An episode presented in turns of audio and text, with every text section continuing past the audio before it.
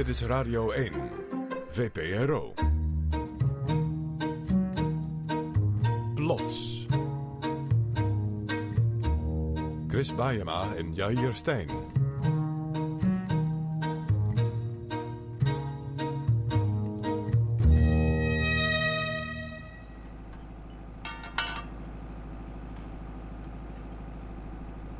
Waar zijn we? We zijn op een eh, werkplaats en we staan naast de kraan van Jaap Molenaar. Die is kraandrijver. Kraandrijver. Wat- wat wilde jij vroeger worden?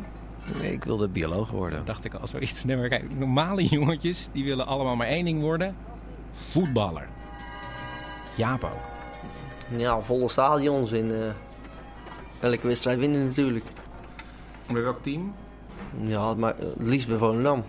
Enorme Ja. ambities. Nee, wat? Wat? V- Volendam. Ja, maar Volendam is gewoon echt een goed team. Echt een goed professioneel voetbalteam. En het goede is, Jaap was ook echt prof bij Volendam. En bovendien is het natuurlijk maar het begin. Nou, rustig aan naar Ajax. En dan Barcelona. En dan het Nederlands elftal. Right. En was hij goed genoeg? Hij was echt heel goed. Ik ben bij hem geweest. Grote stapel krantenartikelen over Jaap Molenaar. Dit is eh toen ik topscorer werd. Of tweede topscorer in de hoofdklasse. Jaap Molenaar ongenaakbaar staat er Ja. boven een krantartikel. Dan deed ik drie keer scoren. Daar deed ik drie keer scoren. Hij scoorde drie keer in één wedstrijd. Ja. Maar het gekke is, van Jaap als profvoetballer, het werk beviel hem niet. Want? Hij verveelde zich te pletter. Hij vermaakte zich de hele dag een beetje met zijn Playstation. Dat is zijn vriendin. Kijk, zijn vrienden zitten op school. Ik zit op school. Dus ja, wat moet je in je eentje? Zo'n hele dag. Hij verveelde zich. Ja. Maar het is toch keihard werken Nee, als nee. profvoetballer? Nee, nee. Profvoetballer in zijn geval alleen maar trainen, wachten, vervelen. En toen? Nou, toen heeft hij zijn contract ingeleverd. Toen heb ik gewoon gezegd van ik stop ermee. Ik heb er geen zin meer in. En toen keek hij een beetje verbaasd. En toen zei hij waarom niet? Toen zei ik, ik doe mijn eigen doodverveling. Ik wil weer aan het werk. Ja. Ik doe mijn eigen dood vervelen. ja, ze doen heel veel in eh, Volendam. Je hebt denkers en doeners en Volendam zijn doeners. Duidelijk. Ja. En wat vond zijn omgeving daarvan, van die stap? Eh, ik heb één collega gevonden en die vat eigenlijk heel mooi samen wat de hele omgeving hiervan dacht. Dat het een dom varken was. Letterlijk en figuurlijk.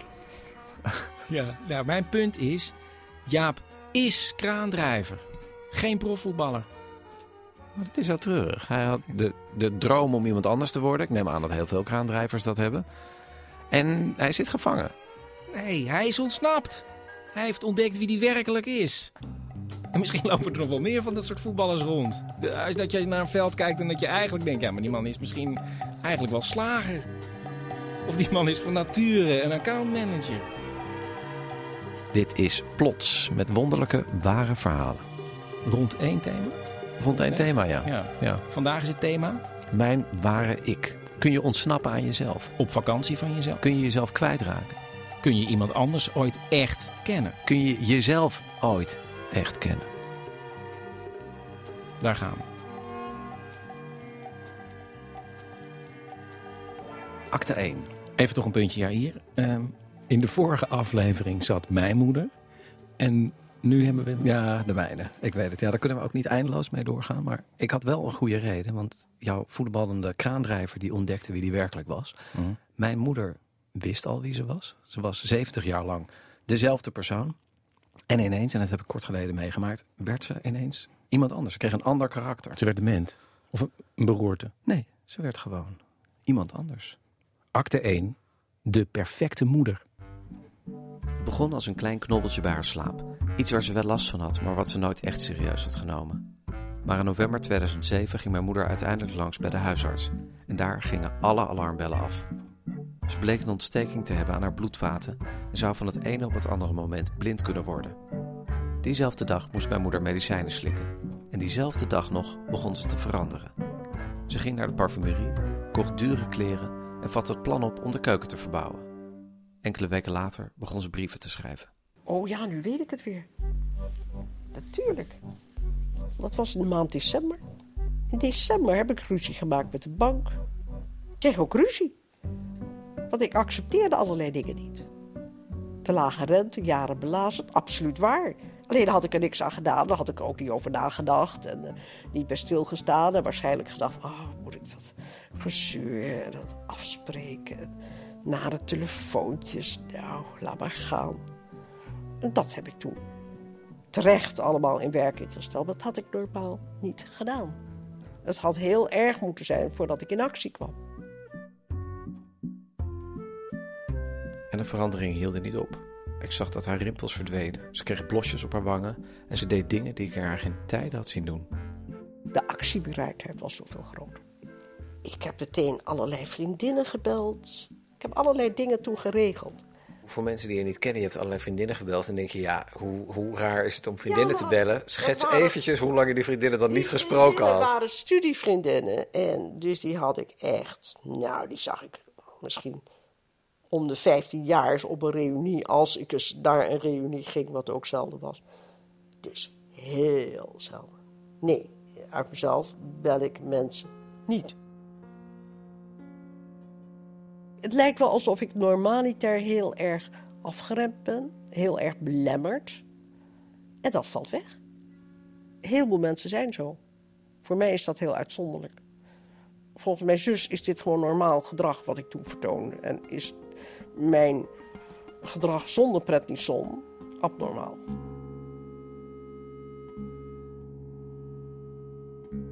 Ik werd echt iemand anders. Prednison is een berucht medicijn. Het is een paardenmiddel dat het immuunsysteem onderdrukt en de hormoonhuishouding ontregelt. Maar mijn moeder knapte juist op van de bijwerkingen. Ze hield vocht vast in haar gezicht en daardoor zag ze er tien jaar jonger uit. En ze werd licht manisch, wat haar een permanent gevoel van euforie gaf en energie om dromen om te zetten in daden. De tegenwerpingen vanuit het hoofd, die worden veel minder. En allerlei dingen die je altijd dacht, ja, dat zou ik eigenlijk eens moeten doen of achteraan gaan. Dat leek nu tot de mogelijkheden te behoren. In februari 2009 was mijn moeder helemaal af van de prednison. Maar in juni kwam de ontsteking terug en moest ze onmiddellijk opnieuw beginnen. En dus was ik compleet high toen twee weken later haar man overleed. Mijn vader. Ze waren een leven lang samen en gelukkig getrouwd. Kun je beschrijven hoe jij was in de, de, de dagen vlak na de Nou, dood we van hadden papa? dus heel veel bezoek en het was schitterend weer. Veel in de tuin gegeten. En ik vond het ontzettend leuk. En ik zei, ik herinner me dat ik zei, god, zo'n geweldige avond gehad. Fantastisch. Ik herinner me die dagen hadden toch een soort, hoe vreselijk het ook was, maar toch een soort gouden glans. Want dat euforische gevoel laat zich niet helemaal wegdrukken. Jullie waren zo verbaasd dat ik zo goed reageerde. Iedereen dacht, nou, die stort in. En ik stortte helemaal niet in. Ik kan me ook herinneren dat die dag na... Jullie waren allemaal ingestort. Wij waren En ingestort. ik niet. En ik kan me herinneren, de dag na de dood van papa, dat, een paar dagen later, dat mensen dan naar je keken en dachten eh, een, beetje, een beetje zoeken of daar nog ergens een traan te vinden was. En dan eh, eh, een beetje aan het pushen waren van, ja, dat komt nog wel. Precies, ze zeiden allemaal, oh, maar dat komt. Ja, nee, in het begin heb je belangstelling en dat komt. Dus ik dacht ook, dat komt. Maar dankzij het middel ben ik er gewoon doorheen getrokken. En ik had ook hele grote plannen. Ik liep door de polder en ik dacht, goh, die fantastische weidevogels. Eigenlijk moet je dat beschermen, dat land. Dat zou je moeten aankopen. Ik had grote toekomstplannen, maakte ik meteen. En dit was kort. Dit was een paar dagen later. In hoeverre, want dat is natuurlijk bijna niet te scheiden, in hoeverre koppel je dat aan dat middel? Of zou het een effect kunnen zijn, simpelweg, dat je ook verandert eh, omdat papa wegviel? Nee, Eh, maar ik had hetzelfde achterlijke gedoe in november 2007. Het was gewoon hetzelfde. Het was puur het middel, want ik heb me ook meteen aangesloten bij een actiegroep, omdat er een of ander natuurgebiedje achter de molen dreigde eh vermalen te worden, terwijl ik normaliter absoluut niet actief ben.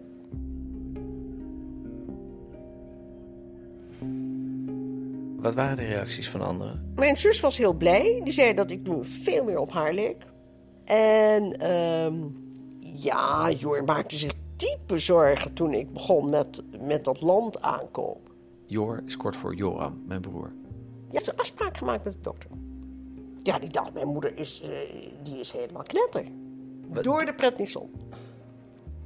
Maar met andere woorden, eh Joram was niet eh, onverdeeld blij met deze verandering. Nee, die vond mij helemaal niet leuk zo.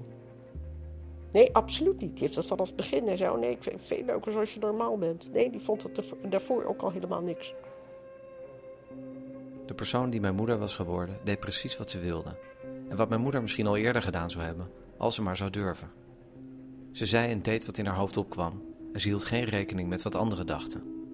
Haar innerlijke criticus lag bewusteloos in een hoekje van haar hersenen. Ze was, in mijn ogen, eindelijk geworden wie ze was. Maar niet volgens haarzelf. Nee, ik denk niet dat ik dit zelf ben, omdat ik nu weer terugval in een ander. Zo is moeder die wij kennen. Dus het is heel raar als die zich ineens anders gaat gedragen. Ik vond het wel leuk. Jij vond het leuk. Nou ja, en, en, ja, en Alice vond het leuk. Alice, haar zus, En jij vond het dus leuk. ik dacht, ik zag een actieve, geëmancipeerde eh, eh, versie van jou. Dat betekent gewoon dat ik normaal niet erg actief ben en niet erg geëmancipeerd. En dat is de normale. Dan kan je wel denken, jammer dat ze dat niet is. En dat is ze dus kennelijk alleen maar met 30 of 40 milligram eh prednison. Ja, nou ja, om je de waarheid te zeggen. Maar dat om je de waarheid te zeggen. vond Ja, jammer. leuk. Ja, maar zelf had je er af en toe ook heel veel baat bij. Ik heb ook geen idiote dingen gedaan, helemaal niet. Ik was alleen eindelijk doortastend. Heeft papa iets doorgehad? Nee, volgens mij niet. Ik was tegenover hem ook helemaal niet anders. Nee, daar veranderde helemaal niks. Ik kan me herinneren dat je op een gegeven moment dat hij iets drinken wilde. Ja. Wat je altijd voor. En dat je zei van. Volgens mij kun je dat zelf wel halen. Ik kan me helemaal niet herinneren. Echt niet? Nee, nee, nee. Maar het is heel gek dat de helft van mijn omgeving de ander prefereerde. En de andere helft zei: nee, ik vind het wel leuk. Naarmate de dosis vermindert, word ik weer mijn oude zelf. En ben ik weer gewoon heel traag reagerend. Mis je het? Nee, helemaal niet. Luister eens even. Ik ben natuurlijk heel lang met mezelf opgetrokken. Dus ik ben eraan gewend. Nee, ik mis het niet.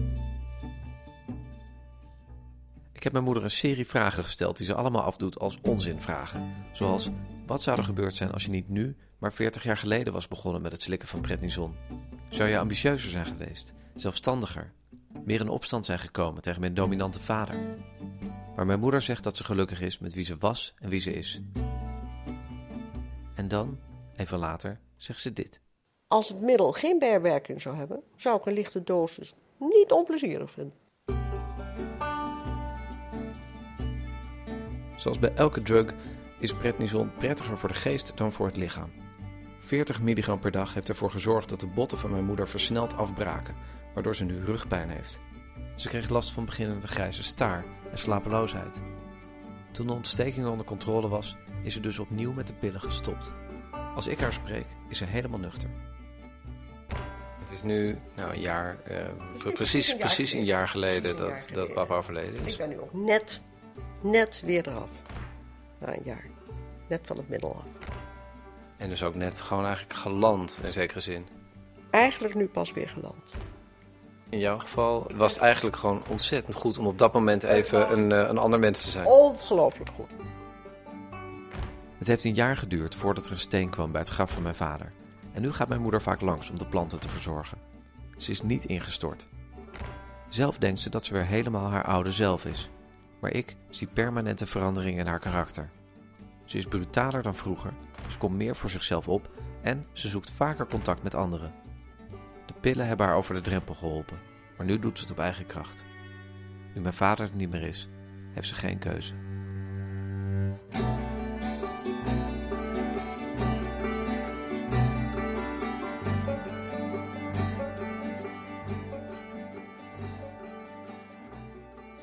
Dit is Plots met wonderlijke ware verhalen rond één thema. Thema van vandaag, mijn ware ik.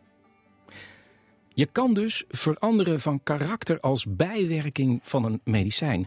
Maar je kunt ook bewust iets innemen om te veranderen. Je bedoelt drugs. Ja. Ja, maar mensen die drugs gebruiken, die willen misschien niet per se iemand anders zijn. Die willen gewoon even weg van zichzelf. Ja, Maar wat als je nou op vakantie bent van jezelf, Ja. maar je mist de vlucht terug? Ja, we dachten, is het misschien een keer leuk om Spacecake te gebruiken. Dus ik denk van, ja, ach god, doe eens een keer mee. Ik had meteen eh, twee plakken achterover geslagen en eh er gebeurde nog niks. Ik denk, ja, dan nog maar een derde erachteraan. En op een gegeven moment kreeg ik zo'n grote klap. En eh, wat er toen gebeurde, het gevoel van tijd is weg, het gevoel van plaats is weg. En je weet ook niet meer wie je bent. Toen ik met, een, in gesprek was met mijn vriend, dacht ik ook dat ik gewoon dood was. En dat hij mij dat moest vertellen. Dat ik overleden was. Het gevoel alsof ik niet meer echt in de realiteit zat, het heeft wel een paar maanden geduurd. Dus misschien wel, eh, misschien wel drie maanden. Maar ik heb nog steeds dat ik als ik in de spiegel kijk, dat ik mezelf niet zie. Je bent meer dan je gezicht, misschien. Misschien heeft de drugs mij dat laten zien. En het kan natuurlijk nog steeds dat dat een waanbeeld is van mezelf als ik niet mijn gezicht ben, wat ben ik dan? Want ik ben wel nog steeds hier en ik ben me wel bewust van alles. Dus dan ga je nadenken van ja, wie ben ik nou echt? Act 2 was dit, Spiegelbeeld. Een kort verhaal van Stefan Tentijen. En er is ook een moeilijk woord voor, dat gevoel wat die jongen beschrijft. Depersonalisatie. Komt wel meer voor bij drugs. Ja, deze jongen raakt zichzelf volledig kwijt, maar je kunt ook een deel van jezelf kwijtraken. En daar heb je niet eens drugs voor nodig.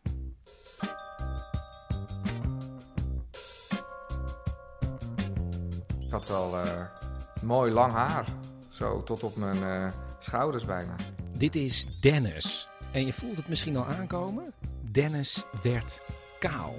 Hoe oud is hij? Midden 30. Ik heb ook een tijdje nog zo'n tik gehad. Of een tik. Ik had altijd een beetje haar voor mijn ogen ook. Dat je zo je haar even weggooit met je, met je hoofd. Hij is niet ziek, toch? Nee, nee, nee, nee. Gewoon kaal. Oud. Nou ja, oud. Kaal. Maar van binnen is hij niet kaal, maar gewoon een man met haar. Dat je denkt dat het nog steeds er is. En op het moment dat je je hand je hoofd raakt, denk je, oh nee, het is op. Dus dan heb je het over fantoomhaar. Hallo, fantoomhaar. Ik bedoel, het is niet alsof zijn been eraf geschoten is in de Eerste Wereldoorlog. Nee, nee, nee. Toch? Nee, nee. We moeten die groter maken dan het is. Nee, je snapt het niet. Kijk, zijn haar staat gewoon voor veel meer. Voor de wilde haren die hij is kwijtgeraakt. Hè. Hij kijkt gewoon met weemoed terug op wie hij was. En op wie hij vroeger allemaal nog kon worden. Ja, misschien heb je toch altijd wel dat beeld van die eh 25-jarige gozer eh, voor je. Die eh, met een enorme goede kop met haar eh, vrolijk door het leven gaat. Oké, die Dennis is niet meer wie die was. Zal het misschien ook nooit meer worden. Nou, wordt het nooit meer. Hij is immers kaal. Hij is iemand anders. Maar soms is dat precies de bedoeling. Dat je juist een ander wil worden. Mhm, ja. Maar dat is ook niet eenvoudig. Want als je een ander wil zijn, moet je eerst je vorige ik totaal kwijtraken. En dat lukt niet.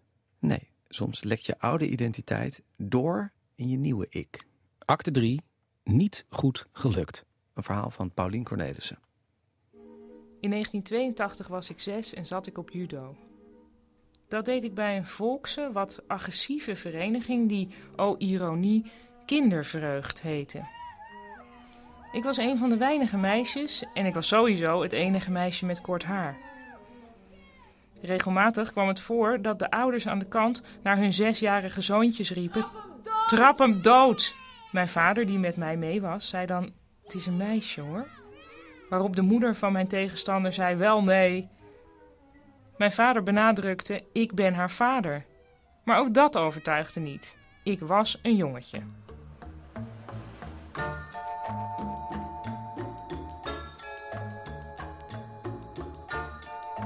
Jaren later studeerde ik psychologie. Echt gelukkig was ik daar niet, want ik kon ook toen al niet tegen mensen die zeiden dat ze later iets met mensen wilden doen. Ik was een licht depressieve eenmansfractie, voor wie het allemaal ging om de pure wetenschap.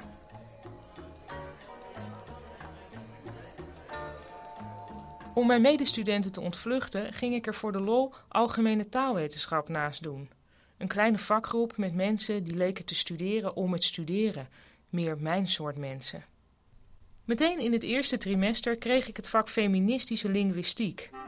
Daar leerde ik dat mannen, anders dan veel mensen denken, veel vaker en langer aan het woord zijn dan vrouwen. Ze onderbreken ook vaker. Ze stellen minder vragen en maken meer statements. Vrouwen daarentegen eindigen hun stellingen vaak met toch. Ze stoppen meteen met praten als iemand ze onderbreekt en ze zijn ook in staat hun vragen te beginnen met: Het zal wel een domme vraag zijn, maar. Ik kon beide gesprekstijlen wel begrijpen. Ik had immers een verleden als jongetje. Ondertussen kreeg ik bij psychologie het vak seksuologie. We deden een hoofdstukje transseksualiteit. En omdat de docenten wisten dat hun studenten iets met mensen wilden, werden er twee heuse transseksuelen uitgenodigd.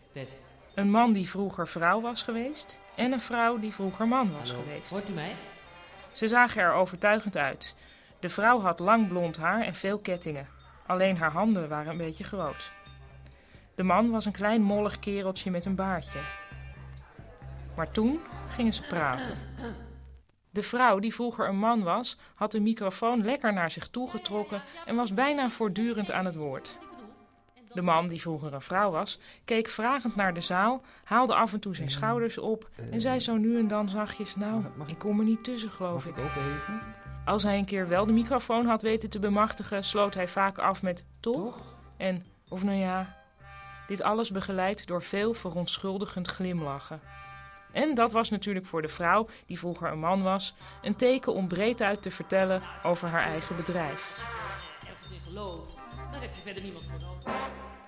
Bij het college had niemand het over de taal. Daarom had ik het gevoel dat ik de enige was die over deze informatie beschikte. Dat ik de enige was die kon horen wie deze mensen werkelijk waren. Niet goed gelukt, schreef ik resoluut in mijn aantekeningen. Want ik vond blijkbaar dat iemand pas gelukt was als transseksueel als er niets meer van hun verleden te merken was.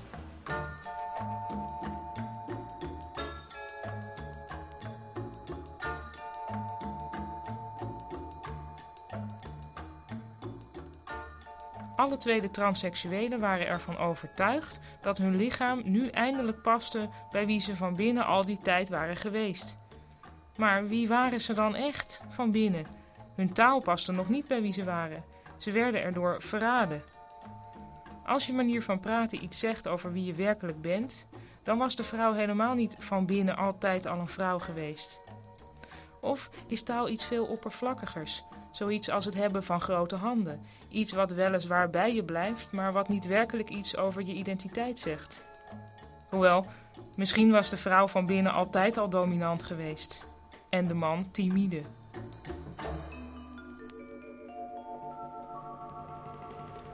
Een paar maanden geleden was ik in San Francisco. Er gebeurde iets wat ik wel vaker meemaak. Een zwerver sprak mij aan en vroeg: Sir, a dollar? Sir, a dollar? En ik antwoordde geërgerd: Jesus. En hij: Well, it was a close call. Je zag die zwerver denken: niet goed gelukt. Ik weet dat veel mensen het gênant vinden om per ongeluk voor het andere geslacht aangezien te worden.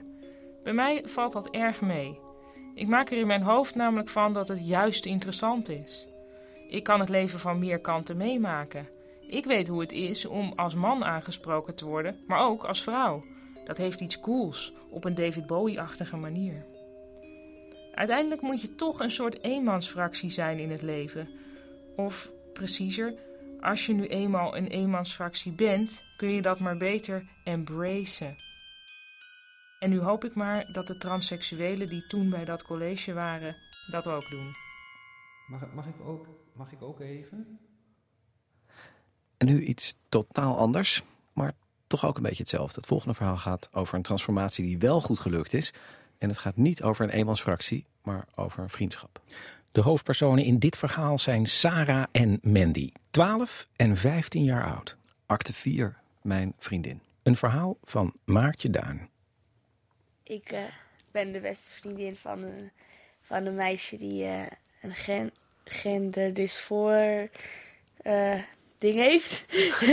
Eh, dat houdt in dat eh, eh, mijn beste vriendin heeft dus eh, hij is in, in het verkeerde lichaam geboren. Ik ben als jongetje geboren en ja, ik ben nu eigenlijk meisje. En ja, ja, bij de derde keer logeren of zo, toen hadden we het erover. Over van ja, over mijn diepste geheim en zo. En toen had ik maar gewoon wat gezegd over mijn diepste geheim, want ik durfde het op dat moment niet te zeggen. Bijvoorbeeld een ander vriendinnetje van haar, die moest, die moest gewoon echt huilen en zo. Ik zat alleen maar zo van, oh, wat is dat dan? Toen legde ze me helemaal uit hoe de operaties gaan en welke operatie eerst. En dan als, we hebben het ook over dat na de operatie dat ik dan langskom. Ik vind het soms ook best wel lullig, want ik heb natuurlijk gewoon al echt best een grote borsten dan van mezelf. En dan, zit ik, dan zie ik het soms ook al gewoon aan dat ze het gewoon wel heel irritant vindt. Toen help ik er ook als ik een, leuke jurkjes die inkijk maken. Dus dat, dat vind ik gewoon allemaal ook super leuk om er ermee te helpen. Want zij heeft altijd best wel van vroeger heeft ze altijd van die te kleine BH's. En dan zit er ook nog wat opvulling in. En dan doe ik die in. En dan zit het echt zo poep poep. En dat is wel heel erg grappig. Dan uh, propt ze allemaal eh, papier erin. Gaan we dat samen doen. Dat hadden we een keertje gedaan. Dus dat doen we ook allemaal. Ik, ik, zeg wel, ik zei wel eens tegen haar gezegd dat ik eigenlijk best wel jaloers op Sarah zou kunnen zijn. Want ja, Kijk, ik kan later waarschijnlijk, kan ik later gewoon kinderen krijgen. En dat wil ik ook heel graag. Maar laatst hadden we het er ook over. Want, want ik bijvoorbeeld een kindje voor haar kon maken. En dat, en dat ik dan de draagmoeder was van haar kind. Ik zeg, nou, dat zou ik wel voor jou over hebben. Het lijkt me wel heel mooi om dat ook te doen, een draagmoeder. ja, af en toe denk ik wel van, nou, wat ik nou maar een echt meisje.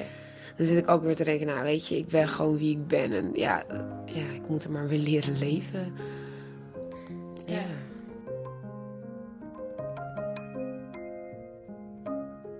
Ik heb haar nooit gezien als een jongen, nooit. Echt, het is gewoon echt mijn vriendin.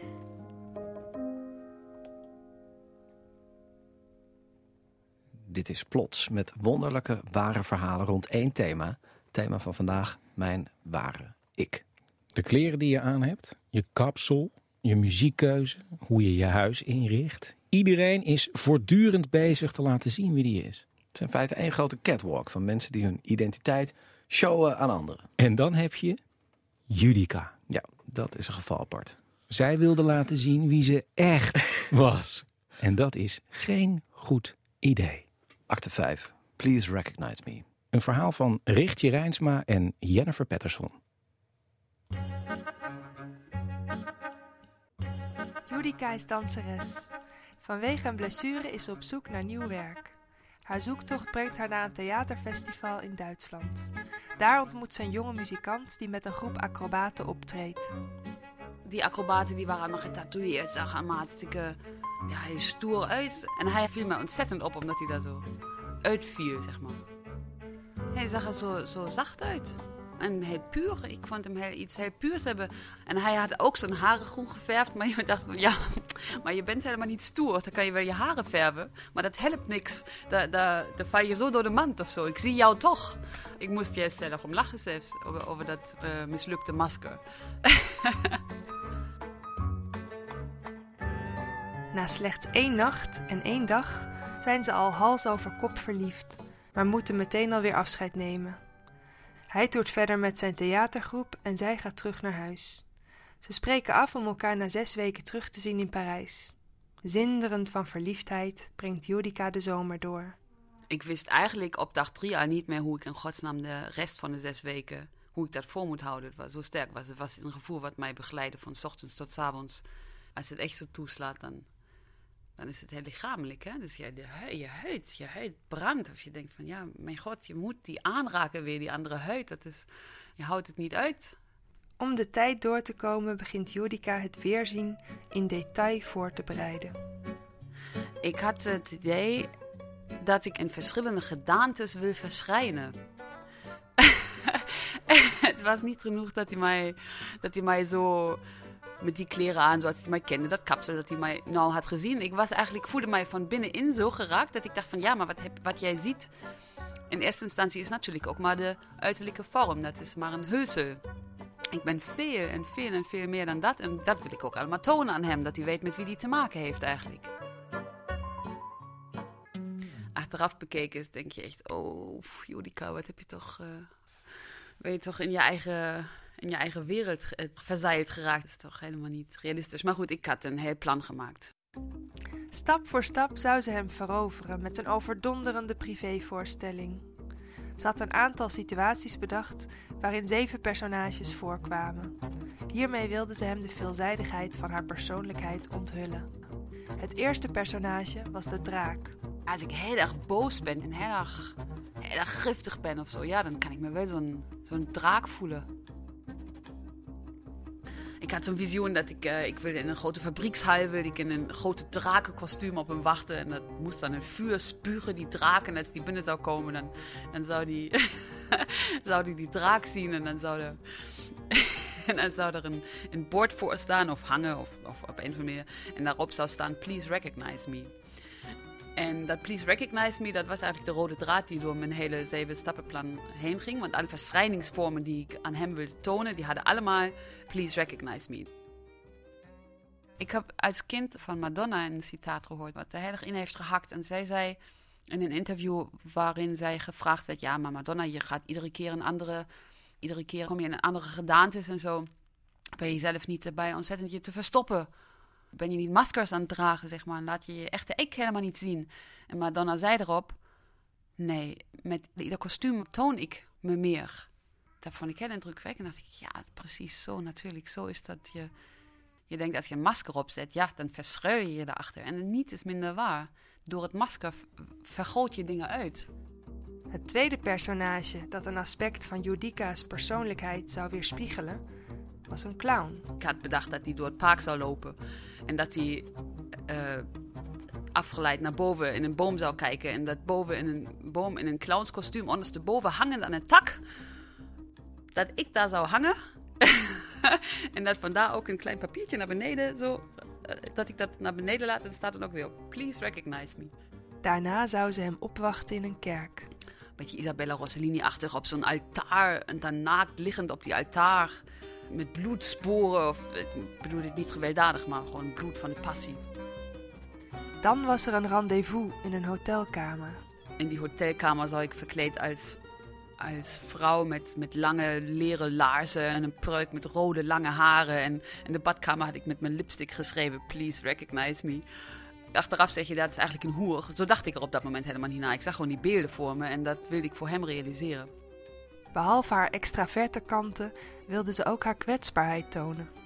Haar op één na laatste personage zou ineengedoken en vies op straat zitten als een zwerver. De zwerver, dat is eigenlijk, dat weerspiegelt eh, mijn grootste angst, denk ik misschien, om buiten de maatschappij te vallen. Om, om zonder geld en zonder vrienden en zonder, zonder huis te komen zitten. Verschrikkelijk idee.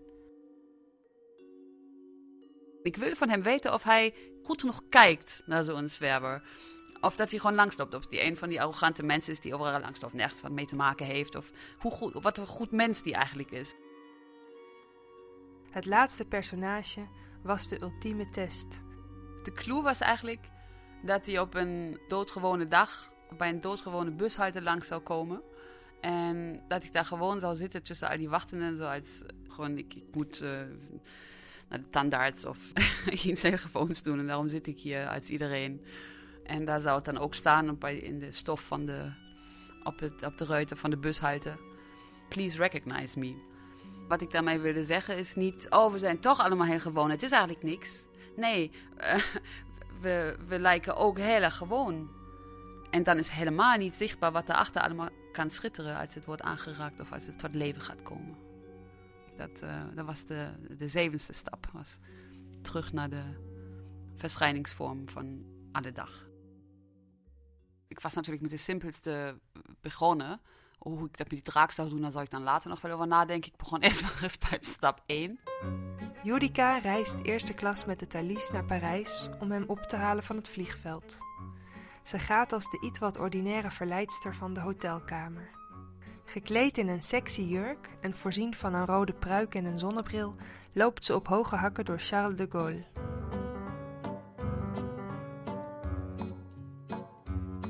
Toen had hij nog een kwartier vertraging of zo. Ah, tergende 15 minuten die je dan ook nog op die zes weken plus 15 minuten, dat is eigenlijk niet te doen. en dan heb ik mezelf georganiseerd. Dat bordje had ik natuurlijk thuis al voorbereid, waarop stond Please Recognize Me. En dan ging ik zitten in die wachtruimte.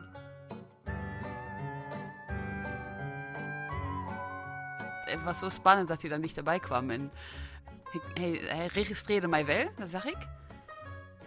Maar toen wendde hij zijn blik weer af en liep gewoon door. En zocht iets. Ja, hij zocht iemand. Hij zocht, natuurlijk mij. maar ik, ik had, daar had ik helemaal niet op gerekend. Dat was, bij alle dingen die ik had bedacht, was er niet in me opgekomen dat hij mij niet zou herkennen. Ik dacht, wat nu hè? Ik moet hem achterna, eh, achteraan lopen. Dus hij liep eh, mij te zoeken en ik stond op en liep hem achter, nou een beetje, een beetje stuikerig zeg maar. En hij ging op een gegeven moment ook omkijken en zag me ook. En keek was een beetje geïrriteerd. Wat, moet dat gekke mens van mij?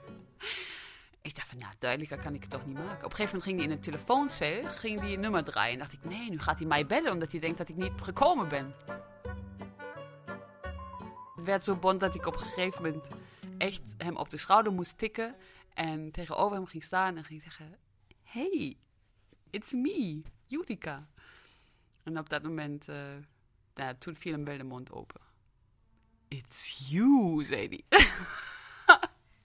oh god. oh mijn god. En de manier waarop hij dat zei. En de manier, uh, zijn gezichtsuitdrukking, die daarna gelijk weer probeerde beleefd een beetje te glimlachen, wat nog veel erger was dan dat, hè.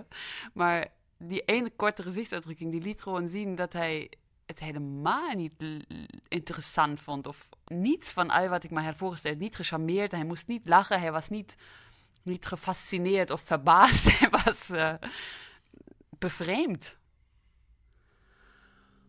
Oh, en toen ging echt ging alles wat aan het stromen was, ging, ging in één keer bevriezen, zeg maar. Ik, het, was, het was een fysieke shock, kreeg ik op, uh, op dat moment.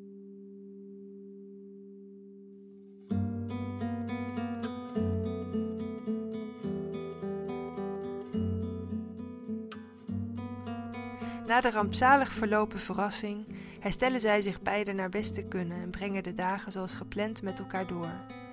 Maar het is de laatste keer dat ze elkaar zien. Dat is het tragische daaraan. Van. Je wilt zo graag heel dicht bij iemand komen en brengt je mijlen ver van die persoon vandaan.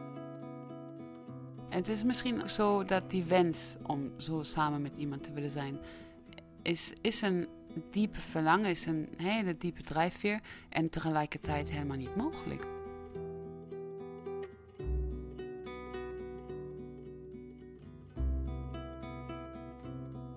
Het is pas veel later dat ik denk, oh, misschien had ik zelf ook een beetje een beetje egocentrische uh, motivatie die daarachter stond. Op dat moment zelf voelde dat alsof ik hem dat allemaal wilde geven. Achteraf bekeken denk ik, ja, het was gewoon, ik was op zoek naar publiek. Door haar mislukte voorstelling heeft Jurica's leven een nieuwe wending genomen. Ze is actrice en clown geworden. Optredens in haar privéleven probeert ze te vermijden.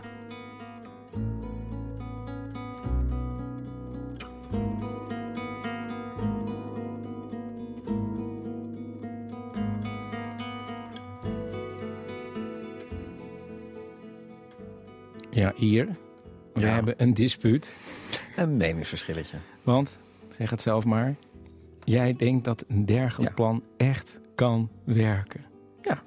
Ja, terwijl jij denkt dat elke man gillend was weggerend. Elke man. Want dat Ja, had jij gedaan. Elke nee, man. Nee, nee, nee. Ik vind het juist aandoenlijk. Zeker als ik... Ja, nee. Voor mij had het kunnen werken. Goed. Door naar de laatste acte. Elise. Het toetje. Ja, van de grootste zelfonthulling naar een hele kleine, onzichtbare metamorfose. Een kort verhaal van Stef Visjager. Al heel lang vond ik Elise mooier dan Rosa. Toen ging ik naar de middelbare en toen dacht ik... Hé, hey, ik kan me ook inschrijven als Elise. Want dan hoef ik geen Rosa meer te heten. Maar ben je dan iemand anders als je Elise heet? Ja, ik denk het wel. Nou, kijk, het is wat ik denk, hè. Ik denk dan aan een slanker iemand. Een langer iemand. En aan een... Ja, gewoon mooier. Oké. Ik denk een beetje deftig. Wil je graag heftig zijn dan? Nee. Nee, maar gewoon... Ging het meteen goed de eerste dag? Eigenlijk valt het je op zo'n dag pas op hoe weinig je naam wordt gezegd. Al- alleen als je de beurt krijgt of zo. Verder eigenlijk nooit.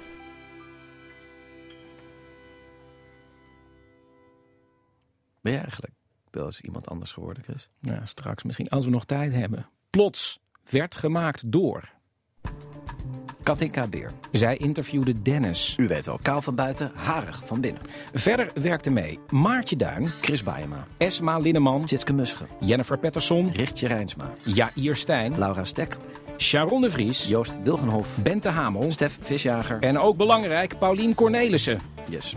Plots werd mede mogelijk gemaakt door het Mediafonds. Alle verhalen van vandaag en veel meer minuten over het thema. Extra verhalen en veel, veel meer. veel meer. Allemaal te vinden op www.vpro.nl slash plots. En daar kunt u ook lid worden van de Plots podcast. Volgende maand, 26 november, om precies te zijn, ook weer een zondag. Weer één thema, namelijk het thema Weldoeners. Weldoeners. Na de ster zijn we terug met Labyrinth. Chris, je wilde nog iets vertellen over dat je Ja, iemand je anders was geworden? Ja, nou, ik, ik, ik, heet Chris, ik heette eerst Christian. Ja. En op mijn 18 heb ik besloten dat ik Chris wilde heten. En dat is wel een hele andere uitstraling die je dan hebt voor mensen. Want toen ik het jou laatst vertelde, Ja. bekeek je me heel anders aan. En sindsdien zeg ik ook eigenlijk liever gewoon weer Christian. Christian. Volgende maand, 26 november, Weldoeners. Na de ster, dus terug met Labyrinth. Dank voor het luisteren. Dit was Plots.